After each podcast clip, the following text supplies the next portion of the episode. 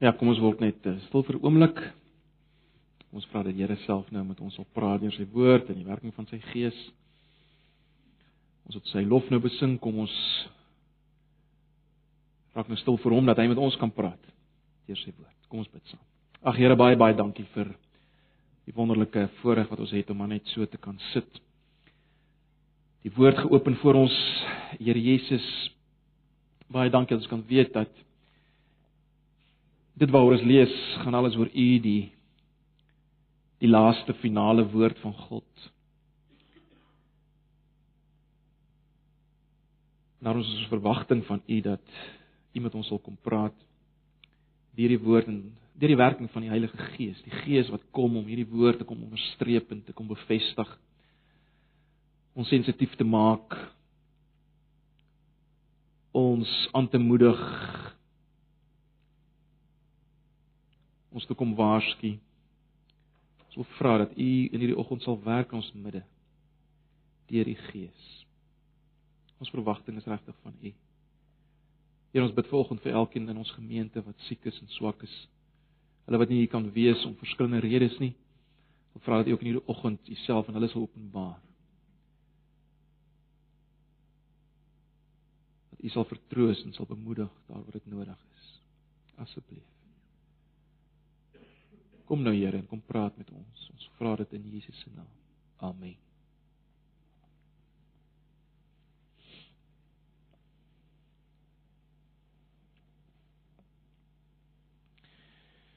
Ja, ons gaan aan met ons uh, studie uit die boek, die studie van die boek Hebreërs. Ons is nou by hoofstuk 2. Uh, eh, soos jy al weet, ons het verlede Sondag nou gekyk na die eerste 4 verse. Daai geweldige uitdaging, waarskuwing. Uh vanoggend gaan ons net kyk van uh, van vers 5 tot 9. Ek weet in die uh, studies waarskynlik gaan julle 'n groter stuk hanteer in julle klein groepe. Vanoggend wil ek ons net fokus op vers vers 5 tot 9. So kom ons lees dit net eers saam. Hebreërs 2 vanaf vers 5 tot 9. Ek lees maar die 83 vertaling.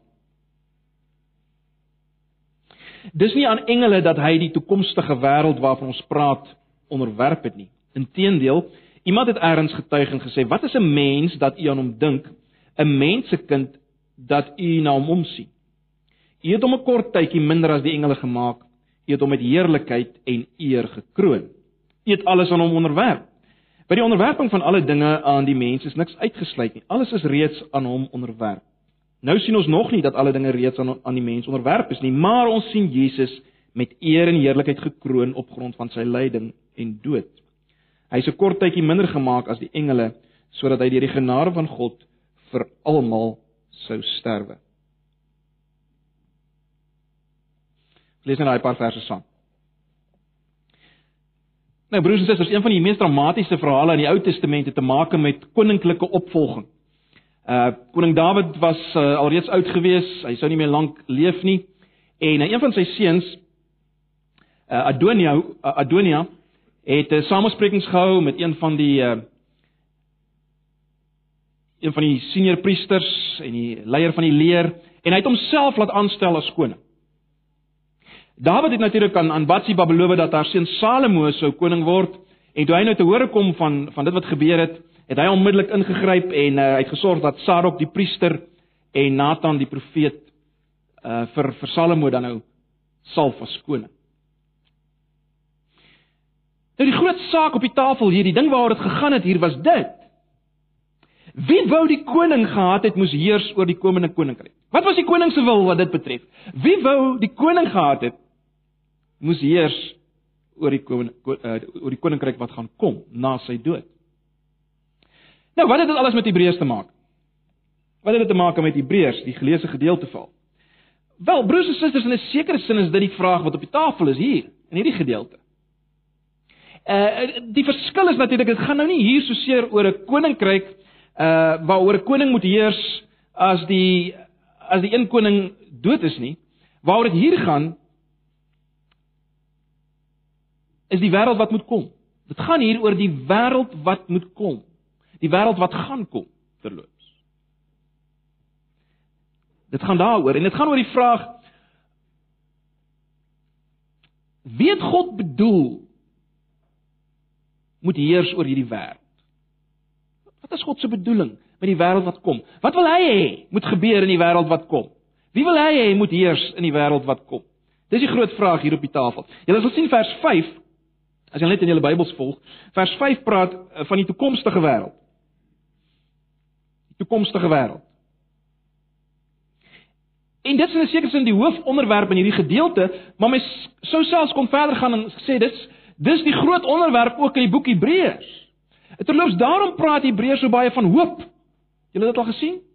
Die boek praat baie van hoop. Speel 'n baie groot rol. En 'n groot deel, as ek dit so kan stel of of of as ek dit so stel, die kern van 'n groot deel van die hele argument eintlik in Hebreërs en dan spesifiek hier, die kern van 'n groot deel van die argument is dit: in Jesus. In Jesus, die Messias, het hierdie hoop waarvan Hebreërs so baie praat, hierdie hoop het in 'n sekere sin alreeds in die wêreld ingebars. Hierdie hoop het in Jesus alreeds in 'n sekere sin in die wêreld ingebars, hierdie hoop van dit wat kom. En saam met hom het daar het daar al tekens verskyn as jy dit so kan stel van die van hierdie nuwe wêreld wat nog nog sal kom. Nou, die skrywer van die van die Hebreërbrief vat ons deur drie fases om om om hierdie stelling wat ek nou gemaak het onderstreep. Hierdie waarheid. Hy hy vat ons as te ware deur drie fases. So ek gaan uh kyk na hierdie drie fases onder drie opskrifte en dan gaan ek kyk na 'n implisiete opdrag wat hier na vore kom. En uh dan gaan ek dit weer koppel aan die waarskuwing van van verlede Sondag uh die gevaar van wegdrywe. So kom ons kyk eers net na hierdie drie fases uh waar die Hebreërs skrywer beweeg om hierdie punt duidelik te maak van die feit dat dat in Jesus hierdie hoop alreeds in die wêreld ingebars het. Die eerste opskrif wat ek wil gee is dit Jesus se toekomstige posisie. Jesus se toekomstige posisie.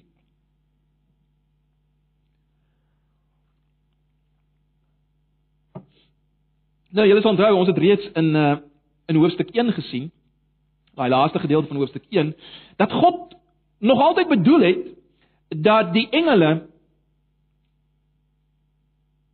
onderworpe sal wees aan die seun of dat sy seun Die een waaroor ons nou baie gepraat het, sy unieke seun, die een wat alles gemaak het, die aarde gevestig het, uh in beheer is van alles.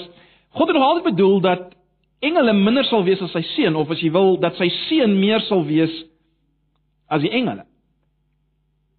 En en en hierdie tema gaan in 'n sekere sin nog hier aan. Die fokus is nou op die toekomstige. Die toekomstige rol van sy seun. Die feit dat sy seun in die toekoms ook 'n groter rol gaan speel as die engele. Dis die dis die vraag op die tafel. Dis waaroor dit hier gaan. Jy sal sien hy begin met die vraag of of hy begin met die stelling, dis nie aan engele dat hy die toekomstige wêreld waarvan ons praat onderwerp uh, onderwerp het. Dis waaroor dit gaan, né? Uh terloops net baie interessant.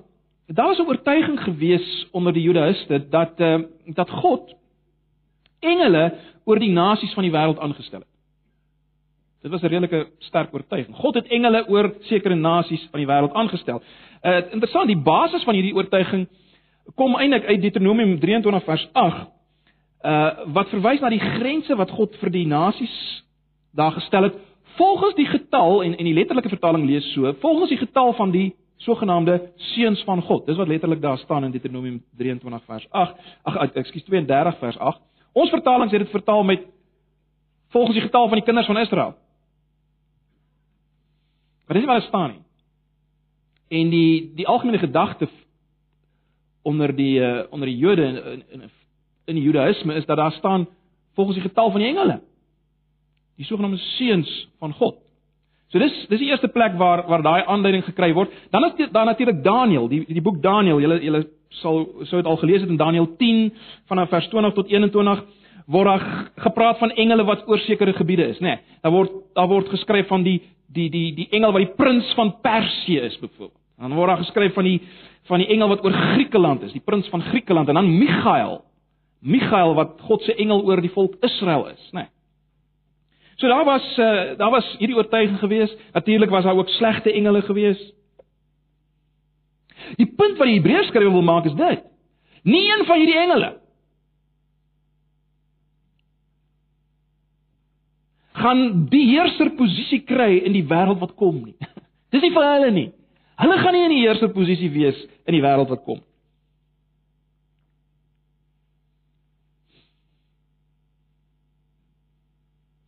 Kom ons dink so daaraan. En, en dis wat agter agter dit lê wat die skrywer hier uitlig. Kom ons dink so daaraan. In in die wêreld wat kom, in die wêreld wat kom, die toekomstige wêreld waarvan nou sprake is in vers 5. In hierdie toekomstige wêreld wil God hê dat die oorspronklike orde van die skepping weer gevestig sal word. Duidelik gerealiseer sal word, vasgemaak sal word. Nou, onmiddellik is die vraag net okay, maar wat wat wat is die oorspronklike orde en bedoeling van die skepping? Of wat was die oorspronklike bedoeling en die orde van die skepping? Wel, die oorspronklike bedoeling van die skepping was dat dat die wêreld op 'n wyse en kreatiewe manier bestuur sou word deur mense. Dit was die bedoeling.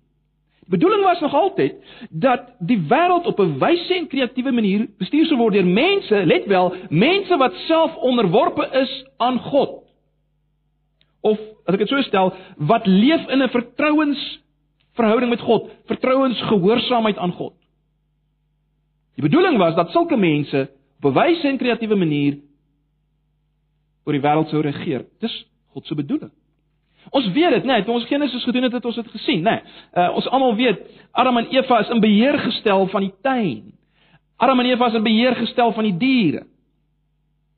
Nou op allerlei maniere is dit natuurlik skeef getrek en vernietig as gevolg van die sondeval waarvan ons lees in Genesis 3. Ons weet dit, maar nou, hierdie rol van die mens word weer in Psalm 8 herbevestig en uitgelig en is nou daai Psalm wat die Hebreërs skrywer aanhaal, né? Nee. Dis die Psalm wat die Hebreërs skrywer aanhaal. Ons het dit gelees.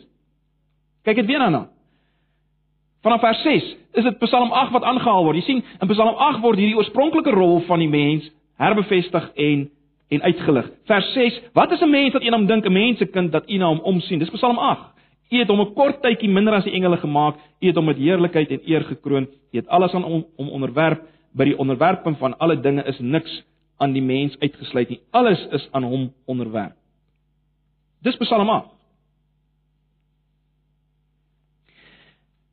Die vraag wat mense natuurlik onmiddellik vra is maar Waarom behandel God die mens op so 'n spesiale manier? Ek meen in vergelyking met die res van die skepping is die mens nietig.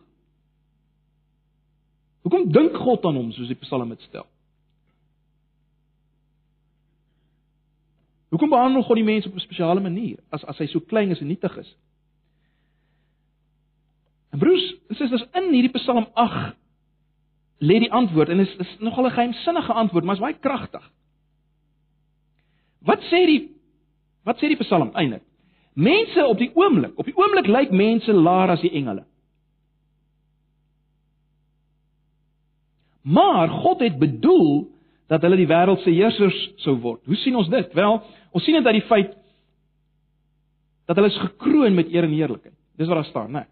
Hulle is gekroon met eer en heerlikheid. Ja, hulle hulle hulle lyk nou laer as die engele en hulle is inderdaad laer as die engele nou, maar hulle is gekroon met eer en heerlikheid wat vir ons sê God het bedoel dat hulle sal heers oor die hele kosmos. Né? Nee. Hulle het bedoel om meer te wees. Maar nou is hier 'n interessante kinkel. Hier is 'n interessante kinkel in hierdie aanhaling.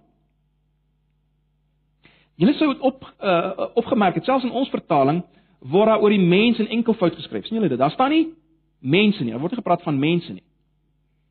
Wat is mense?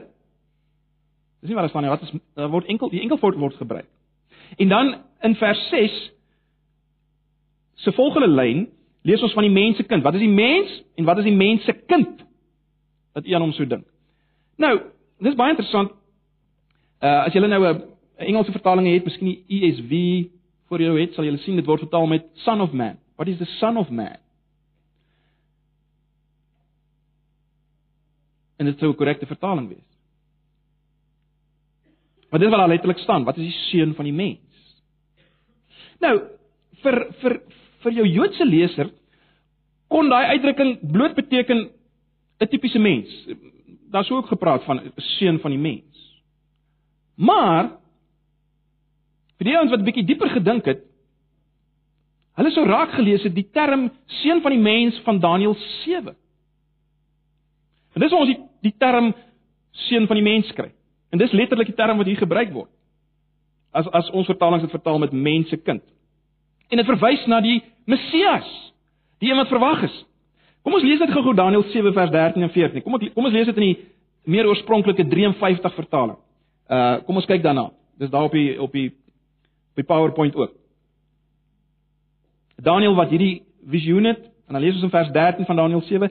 Ek het gesien in die naggesigte en kyk, met die wolke van die hemel het een gekom soos die seun van 'n mens. Daar's dit.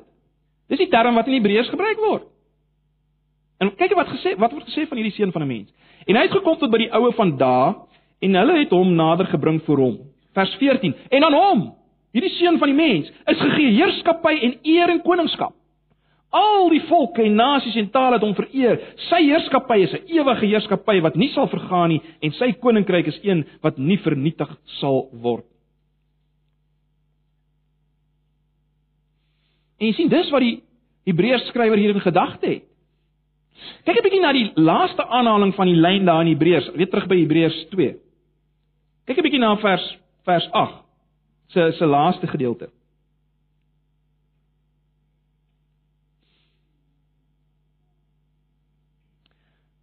Alles is aan hom onderwerp. sien julle dit? Nadat hy nou gesê het niks is uitgesluit nie, dan staan daar alles is aan hom onderwerp. Nog meer letterlik, soos die 53 vertaling het, alles is onder sy voete gestel. Nou dis baie interessant. Want hierdie frase alles is aan hom onderwerp of meer letterlik alles is onder sy voete gestel, kom beide uit Psalm 8, maar dit kom ook uit Psalm 110 wat die skrywer al reeds in hoofstuk 1 aangehaal het. Psalm 110 waar daar staan: "Sit aan my regterhand totdat ek jou vyande onderwerp het." So baie doelbewus is hier 'n 'n aanhaling uit beide van hierdie psalms, 'n mengsel van die twee. Want dit in Psalm 8 nog onseker is presies oor wie gaan dit in Psalm 110 as daar gepraat word oor sit aan my regterhand totdat ek jou vyande aan, aan jou onderwerp het, word daar baie duidelik gepraat oor die komende Messias, dat alles gaan aan hom onderwerp word. En die skrywer speel daarmee hier in Hebreërs. As hy sê alles gaan aan hom onderwerp word. So wat wil die skrywer hê ons moet sien? Wel, hy wil hê ons moet sien Jesus is die ware mens. Die mens wat bedoel was om te heers, wel dis Jesus. Ons gaan nou sien hy's hy's hy's nou al in 'n sekere sin in 'n heerserposisie, maar die fokus hier is die feit dat hy dit ook gaan wees. Hy gaan uiteindelik alles onder sy voete stel. Hy gaan in die absolute sin van die woord regeer.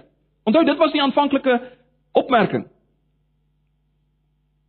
Dis nie aan engele dat hy die toekomstige wêreld waarvan ons praat onderwerp het nie. Dit gaan oor die toekomstige wêreld in die eerste plek hier in die in die gedeelte in Hebreërs 2 vanaf vers 5. En die punt hier is dis aan Jesus onderwerp. Eenvoudig soos dit. Dis aan hom onderwerp. So dis die toekomstige posisie van Jesus. Alles gaan aan hom onderwerp word. Kom ons kyk nou na sy heilige posisie. Ons het nou reeds daaraan geraak. Kom ons kyk na sy heilige posisie. En dis die tweede fase van die nadenke in hierdie gedeelte. Wat die skrywer wil wys basies is dat Jesus het ook al reeds die status bereik wat Jesus vir ag eh, wat God vir mense bedoel het. Jesus het al reeds die status bereik wat God in die algemeen vir mense bedoel het. Uh julle sal sien dis die dis die dis die trant van argumentasie hier. Baie tipies sien ons hierdie manier van hoe die Hebreërs skrywer die Ou Testament ook verstaan, né? Uh ons weet die Psalm praat in die eerste plek in die algemeen van mense wat in 'n gesagsposisie geplaas is in die skepping met alles wat aan hulle onderwerp is. Ons weet dit. En dan kom die Hebreërs skrywer en sê ja ja, okay,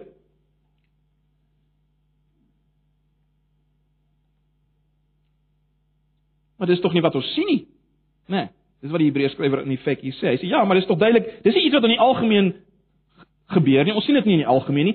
Mense regeer nie op God se uh, eh, mense reg, uh, regeer nie op die oomblik oor God se wêreld op 'n wyse manier uh soos hulle moet nie uh, op 'n manier wat orde bring soos God dit bedoel het nie. Om die waarheid te sê, alles is in 'n toestand van semi-chaos, né? Nee, en dit was al, al in daai tyd so en is nou nog meer so. So ja, die Psalm sê dit van die algemeen van mense, maar Maar is tog nie waar nie. Hoe hoe moet ons die Psalm Moet ons die Psalm ernstig opneem? Dis dis wat die wat die skrywer van die Hebreërs hier sê. Moet ons die Psalm ernstig opneem? Dat God die mens met eer en heerlikheid gekroon het. En die antwoord is Want dit het gebeur. God het dit gedoen. Dis waar. Maar maar dis net in Jesus waar. Dis waar God het dit met die mens gedoen. Dit wat Psalm 8 sê is waar. Dit het gebeur.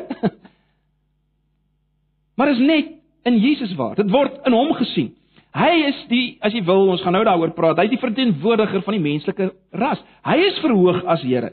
Let wel na sy aardse bediening, nadat hy gelei het, nadat hy gesterf het, nadat hy laer was as die engele. Terloops in sy dood was hy definitief laer as die engele. Hier op die aarde was hy laer as die engele. Maar hy's verhoog. Hy's na hierdie dinge verhoog en hy het 'n plek en 'n rol gekry wat aanvanklik vir die mens bedoel was, wat vir my en jou bedoel was.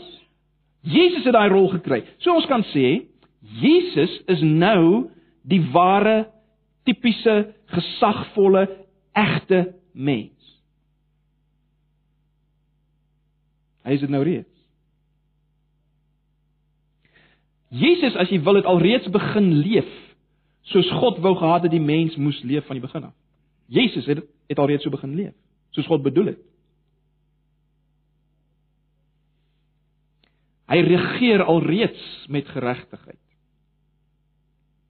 Maar goed, miskien sê jy op hierdie punt maar okay. Hoe kan dit wat met Jesus gebeur het relevant wees vir ons?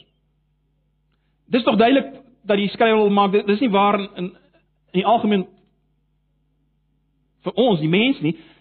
Hoe kan dit relevant wees? Wat maak dit saak? Hoekom is dit relevant vir ons dit wat met Jesus gebeur? En dit bring ons by die derde fase wat hier uitgelig word. Uh en ek wil die opskrif gee Jesus as verteenwoordiger van sy mense. Jesus as verteenwoordiger van sy mense. Jesus as verteenwoordiger van sy mense. Kyk, ons weet almal in 'n parlementêre demokrasie, uh kies jy deur jou stem iemand wat jou gaan verteenwoordig in die regering, né? Nee, ons ons weet dit. Jy kan nie self daar wees nie, maar hierdie persoon is gekies in jou plek. Hy's vir jou daar. Hierdie persoon dra gewoonlik sy kiesers se hoop en se vrese en se behoeftes en aspirasies. Hy dra dit as te ware. Hy hy hy verteenwoordig dit.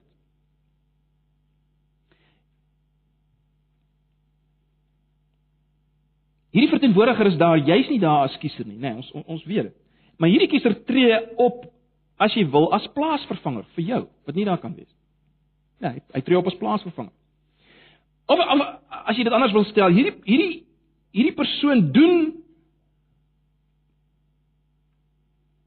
iets vir hierdie mense wat hulle nie vir hulle self kan doen nie. Hierdie verteenwoordiger doen iets wat die kiesers nie vir hulle self kan doen nie. Hy doen dit vir hulle in hulle plek. Nou broers en susters, dis iets wat ons weer en weer in die Nuwe Testament sien. Jesus verteenwoordig in die eerste plek vir Israel, maar ook die hele wêreld. Dis iets wat ons baie duidelik in in in in die Nuwe Testament sien.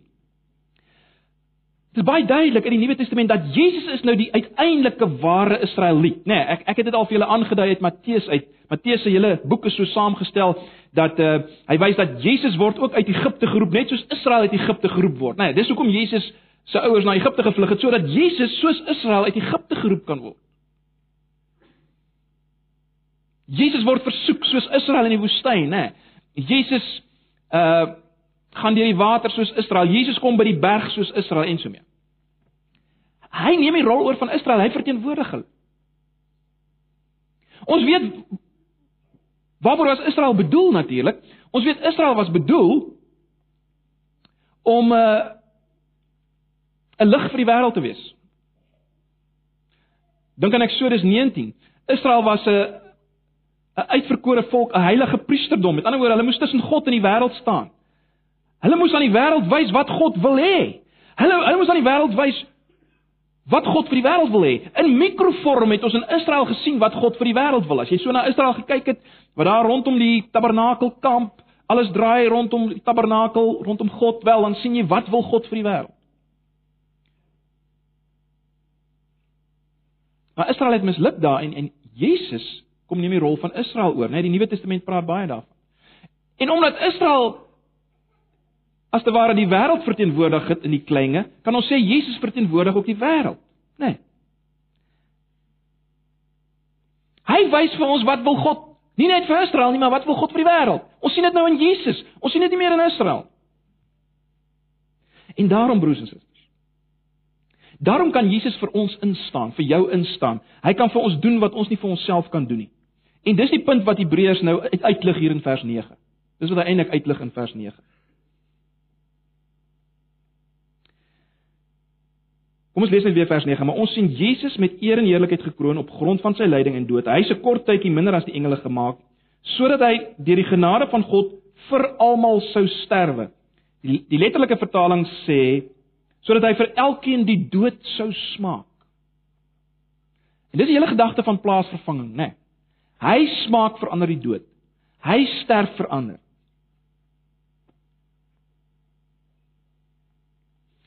Ons kan nie die dood deurgaan self, die dood wat ons verdien nie. Ons kan nie die dood deurgaan wat ons verdien as gevolg van ons sonde en ongeregtigheid nie. Van die feit as gevolg van die feit dat ons nie in verhouding met God is soos ons moet wees en met mekaar soos ons moet wees nie. Ons ons kan nie daai dood wat ons moet deurgaan as straf daarvoor. Ons kan dit nie self deurgaan nie. Maar Jesus doen dit in ons plek. Dis die punt, né? Nee. Hy het dit vir ons deurgegaan. Hy het gelei in ons plek. Nou, ons sal by 'n volgende geleentheid meer praat oor hierdie lyding want dit kom sterker na vore in die in die volgende gedeelte in Hebreërs.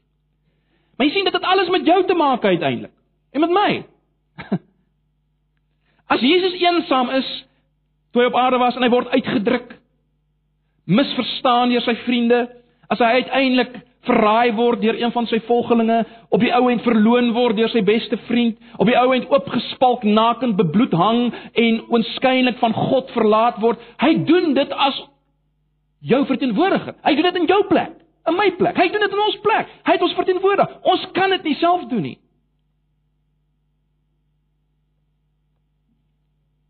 Sonder om totaal vernietig te word. Hy het dit in ons plek gedoen. Hy doen dit as ons verteenwoordiger. En dit is baie belangrik. Ons gaan nog baie hieroor praat broers en susters. Ons gaan nog baie praat in Hebreërs oor die plaasvervangende dood van Jesus in ons plek. Maar dit is ongelooflik belangrik. So al wat ek wil hê is moet ons moet nou net eers dit, dit hier sien en ons verbly daaroor. So wat het dit alles te maak? Dit wat ons sê oor Jesus wel, wat het dit te maak met ons? Wel hy het ons verteenwoordig. Hy het ons verteenwoordig. En dit bring my bring my by my volgende punt. Die, die implisiete opdrag wat hier is. Ek het dit 'n bietjie teruggehou en ek wil dit ek wil dit apart behandel. Al al is dit al is dit eintlik deel van die argument. Baie baie belangrik.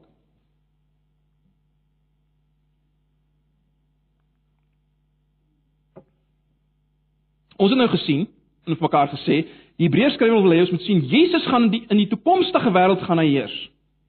Maar hy het ook gesê dat Jesus alreeds, Jesus is alreeds met eer en heerlikheid gekroon. Jesus het alreeds die posisie wat God vir alle mense wou gee.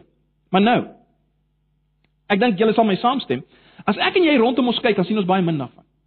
Dit lyk nie vir ons of Jesus alreeds regeer in heerlikheid nie. Dit lyk nie so nie. Dit wil lyk dit in die praktyk asof Satan baie meer in beheer is. Is dit nie so nie? Dit lyk nie asof om dit so te stel alles onderwerp is aan Jesus.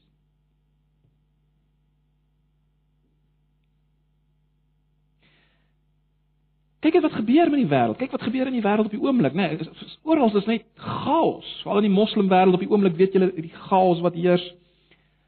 Kyk wat gebeur met Christene. Christene raak psigies siek. Christene raak terminaal siek. Christene raak verlam. Christene word vermink. Uh hulle word verkrag. Hulle ly honger. Hulle word fisies vervolg. Meer as ooit tevore in die wêreld terloops word Christene vervolg. Op baie erger skaal as ooit. Dit lyk nie asof Jesus in 'n heersersposisie is. Maar nou nou. Dis jy's die punt van Hebreërs. Jesus is reeds met eer en heerlikheid gekroon, maar in die toekoms gaan hy al sy vyande onderwerp. Onthou, dis hoekom Psalm 8 en Psalm 110 saam belangrik is. Die laaste gedeelte. Hy's nou hier alreeds verhoog, maar daar kom 'n tyd dat hy al sy vyande gaan onderwerp. Dit kom in die toekoms. Hy gaan nog al sy vyande onderwerp. Hy sal reeds in 'n in die posisie wat God vir alle mense wou, met eer en heerlikheid gekroon, maar hy gaan nog al sy vyande onder sy voete verwerp. Terloops, uh, onderwerp. Gaan lees 1 Korintiërs 15, dan praat Paulus weer hiervan. Gaan lees my 1 Korintiërs 15 vanmiddag vir jou. Paulus praat van die laaste vyand, die dood, wat ook onder sy voete gewerp gaan word. Praat ook daaroor. Die laaste vyand, die dood, gaan ook onder Jesus se voete kom. In ander woorde,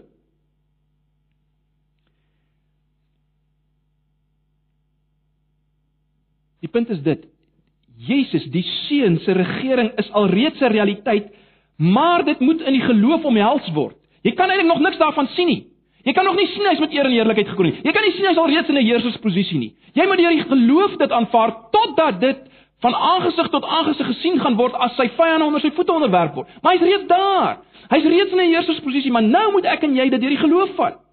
En terloops, die boek Hebreërs gaan oor hierdie geloof, is dit nie? Oral word gepraat oor geloof in die boek Hebreërs. Daai vaste vertroue op dit wat jy nie kan sien nie. Hebreërs 11, onthou julle? Het julle dit al gelees? Hebreërs 11. Geloof is die oortuiging van die dinge wat ek nie sien nie. Ons sien nog nie dat Jesus in 'n heersersposisie sit nie. Maar is 'n realiteit en ons moet dit hierdie geloof hierdie realiteit vat totdat hy alles, al die vyande en laaste vyand die dood onder sy voete onderwerp. So wat moet ons nou doen? Wat is die implisiete opdrag hier en dis waarby ek wil uitkom. Wat is die implisiete opdrag hier? Wel die in, implisiete opdrag is dit: sien Jesus. Die implisiete opdrag is om Jesus te sien. Dis die implisiete opdrag. Die skrywer antisipeer al hierdie vermaning wat hy in hoofstuk 3 gaan gee as hy sê let nou keurig op Jesus. Hy antisipeer Hebreërs 12 waar hy gaan sê hou die oë op Jesus. Wat is die punt wat hy wil maak? Die punt wat hy wil maak is dit: ons sien nog nie die oorwinning nie. Ons sien nog nie dat alles onder Jesus se voete is nie, maar ons sien Jesus. Jy sien nog nie alles onder sy voete nie, Jy sien nog nie dat al die vyande onderwerp is nie. Dit lyk of die of die duiwel en siekte en chaos en pyn, pyn en ellende in beheer is. Jy sien nog nie dat alles onder hom onderworpe is nie, maar jy sien Jesus.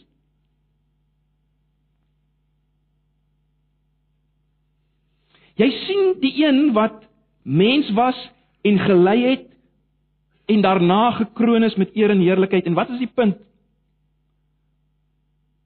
Wat die skrywer wil hê ons moet raak sien is dit. As jy hom sien, as jy Jesus sien, sien jy jou eie geskiedenis. Dit wat jy nou is en dit wat kom. Die pad wat Jesus geloop het, gaan jy loop. Jy sien in hom jou eie geskiedenis. Wat jy is en wat jy sal wees. Terloops weer eens uh, 1 Korintiërs 15 bevestig hierdie punt. Uh dat dit is hoe ons dit moet verstaan. Hy loop die pad wat ek en jy loop. So die Die sien natuurlik beteken nie hier 'n fisiese sien met jou oë nie. Nee. Dis nie wat hy bedoel as hy as hy sê ons sien Jesus nie. Ons kan hom nie fisies sien daar waar hy nou sit in die hemel nie. Maar dit dit beteken 'n geloof sien, né? Met ander woorde, bedink dit, besef dit. Kyk met jou geestelike oë na die pad wat Jesus geloop het. Hy's misverstaan, hy's verwerp. Hy's verraai, hy's verloon, hy's oënskynlik van God verlaat. Hy't gelei. Dis die pad wat gelowiges loop. Gelowiges is nie rimpeloose gespierde ouens wat dryf deur die lewe nie, hoor. Kyk na Jesus en dan sien jy wat is die pad van God se nuwe mens. En dis die pad wat ek en jy loop as nuwe mense. Maar kyk nou, sien hom, sien Jesus. Sien die oorwinning wat hy nou smaak. Dis die oorwinning wat ek en jy gaan smaak omdat hy ons verteenwoordig. En ons is op pad swend. Dis dis wat die skrywer wil hê. So as jy wil moeg raak en moedeloos raak, onthou die ouens in Hebreërs het moeg en moedeloos geraak. Die skrywer praat in hoofstuk 10 van lam knie of hoofstuk 12 van van slap hande en lam knie as jy moeg is. Lam is in jou geestelike lewe. sien Jesus. sien Jesus. En dit sluit natuurlik aan by wat ons heel aan die begin gesien het, is dit nie? In hierdie laaste dae het God met ons gepraat deur sy seun. As jy op 'n punt is waar jy lam en moeg is en nie verstaan al die dinge wat met jou gebeur nie, wel luister na God se laaste woord. Jesus. Luister na die laaste woord, Jesus. sien Jesus. En dan verstaan jy. Dan dan sê God vir jou, dan sê God vir jou wat? Dan sê God vir jou, dis die pad wat jy gaan loop.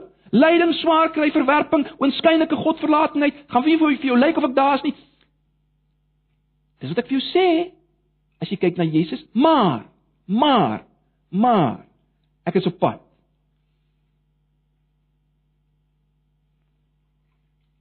Jy gaan in heerlikheid sit saam met Jesus. Jy's op pad swend. Jy sien dit weer eens, dis God se laaste woord. Dis wat hy sê vir ons. Hebreërs 1 vers 1 en 2. Dis God se laaste woord. sien Jesus. Ag broers en susters. Ek sluit af met die gevaar van wegdrywe wat wat onderstreep word hier. Onthou julle waaroor ons verlede Sondag gepraat het in vers 4, ag vers 1 tot 4. Daar praat die skrywer van die gevaar van wegdrywe van die boodskap wat ons gehoor het. Dit wat ons nou weer gehoor het. Ek hoop ons sien uit hierdie gedeelte in vers 5 tot 9 hoekom dit so belangrik is om nie weg te dryf. Hoekom is dit so belangrik om nie hierdie saligheid te verag soos Hebreërs 2 vers 1 vers 4 dit stel nie. Hoekom is dit so belangrik om nie apaties te staan teenoor hierdie boodskap en maar net aan te karring soos jy aankarring elke dag? Maar om besig te raak daarmee, dit te bedink, daaraan vashou. Hierdie gedeelte wys ons hoekom is dit so belangrik. Want jy sien as jy wegdrywe en en dis die julle sal onthou ek het gesê dis eintlik dit lê agter daai beeld wat wat die skrywer gebruik in Hebreërs 2 vers 1 tot 4. As jy wegdrywe dan mis jy die hawe. Onthou die beeld is die van 'n skip wat wat wegdryf in die hawe mis. As jy wegdryf, mis jy die hawe. Maar nou, vanoggend het ons gesien, wat is die hawe? wat is die hawe? Wel, die hawe is die posisie wat God bedoel het vir mense. En die posisie wat mense gaan hê in die komende wêreld. Die posisie wat Jesus alreeds nou het en uiteindelik ten volle gaan kry. Dis wat jy gaan mis. Die posisie wat Jesus reeds nou het en eintlik ten volle gaan kry. Jy en ek gaan dit mis as ons wegdryf van hierdie groot saligheid. Ons moet aan hom vashou. Ons moet bly glo. Ons moet bly kyk na Jesus. Jy sien? So moenie wegdryf. Moenie wegdryf. Ek weet nie waar staan jy vanoggend nie. Ons het verlede Sondag daaroor gepraat, dis 'n dis 'n realiteit wat ons almal bedreig, die die gevaar om weg te dryf, juis as dit begin swaar gaan. Juis as ek begin ly, as ek siek raak en ek verstaan nie hoekom nie en ek word nie gesond nie en my mense na aan my wat vir, wie ek lief is raak siek en sterf en dinge loop verkeerd. My besigheid werk nie uit nie. Dan is dit die gevaar om weg te dryf. Vanoggend sê jy moenie wegdryf sien Jesus en dan verstaan jy die realiteit. Hierdie lewe gaan binnekort verby wees, hoor. Dis maar 'n oogknip, regtig. Julle wat al ouer is, weet, hoe vinnig gaan hierdie lewe verby, is net so. So vinnig sal verby. Ons praat vanoggend oor die toekomstige wêreld. Wat kom? Nie wegdrywe. Nie wegdrywe deur hierdie tydelike goedjies en die die ewige mis nie, die toekomstige wêreld wat vir altyd en altyd daar gaan wees. Moenie moenie dat hierdie goedjies wat nou gebeur jou laat wegdryf nie. Dis die gevaar, né? Ag, broers en susters, daar's 'n ander realiteit. Hierdie is nie die einde nie. Daar's 'n ander realiteit, daar's 'n toekomstige wêreld. En volgens sien ons wat God wil. Ons sien dit nou eers deur die geloof net in Jesus. Ons kan dit nie sien as ons rondom ons kyk nie. Ons kan dit nie sien as ons na mekaar kyk nie. Ons sien gebrokenheid, ons sien stikkindheid. sien Jesus. Kyk, kyk op, lig jou kop op van die ouens rondom jou wat jou teleurstel en sien Jesus. sien Jesus. Ag, ek sluit af. Net met hierdie beeld. Ek hoop dit bly by julle. Ons weet en uh, as 'n vleinier vlieg in digte mis. Uh al wat hy het is om hy kan maar net kyk na die na die, die instrumente voor hom, né? Nee. Hy moet dit vertrou. Dat dit vir hom die groter prentjie gee. Hy hy kan nie hy kan nie iets sien nie. Dis mistig. Hy kyk maar net na die instrumentepaneel. Dit gee vir hom perspektief.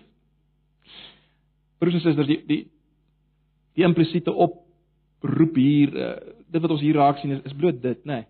Jesus is soos Jesus is soos daai instrumentepaneel van die vliegtyg. Dit is mistig is en jy kan nie vorentoe sien nie. Dit kan enige iets wees, elkeen van julle verskillend. Maar as jy nie kan sien deur die mistigheid nie, wel vir oggend kom jy oproep, kyk na die instrumentepaneel, kyk na Jesus. Kry die hele prentjie. Kyk na Jesus. sien hom. sien hom raak. Ag, kom ons kom ons verbly ons daar volgende uh, by die volgende geleentheid, dit sal nou nie volgende Sondag wees nie, twee Sondae, sal ons sal ons nog meer sien wat wat Jesus vir ons deurgegaan het. En wat hy nou vir ons is. Nou terwyl ons in die mis is. Al die gebrokenheid rondom ons. Maar kom ons verbly ons vanoggend net in dit wat ons hier gesien het. Kom ons bid saam.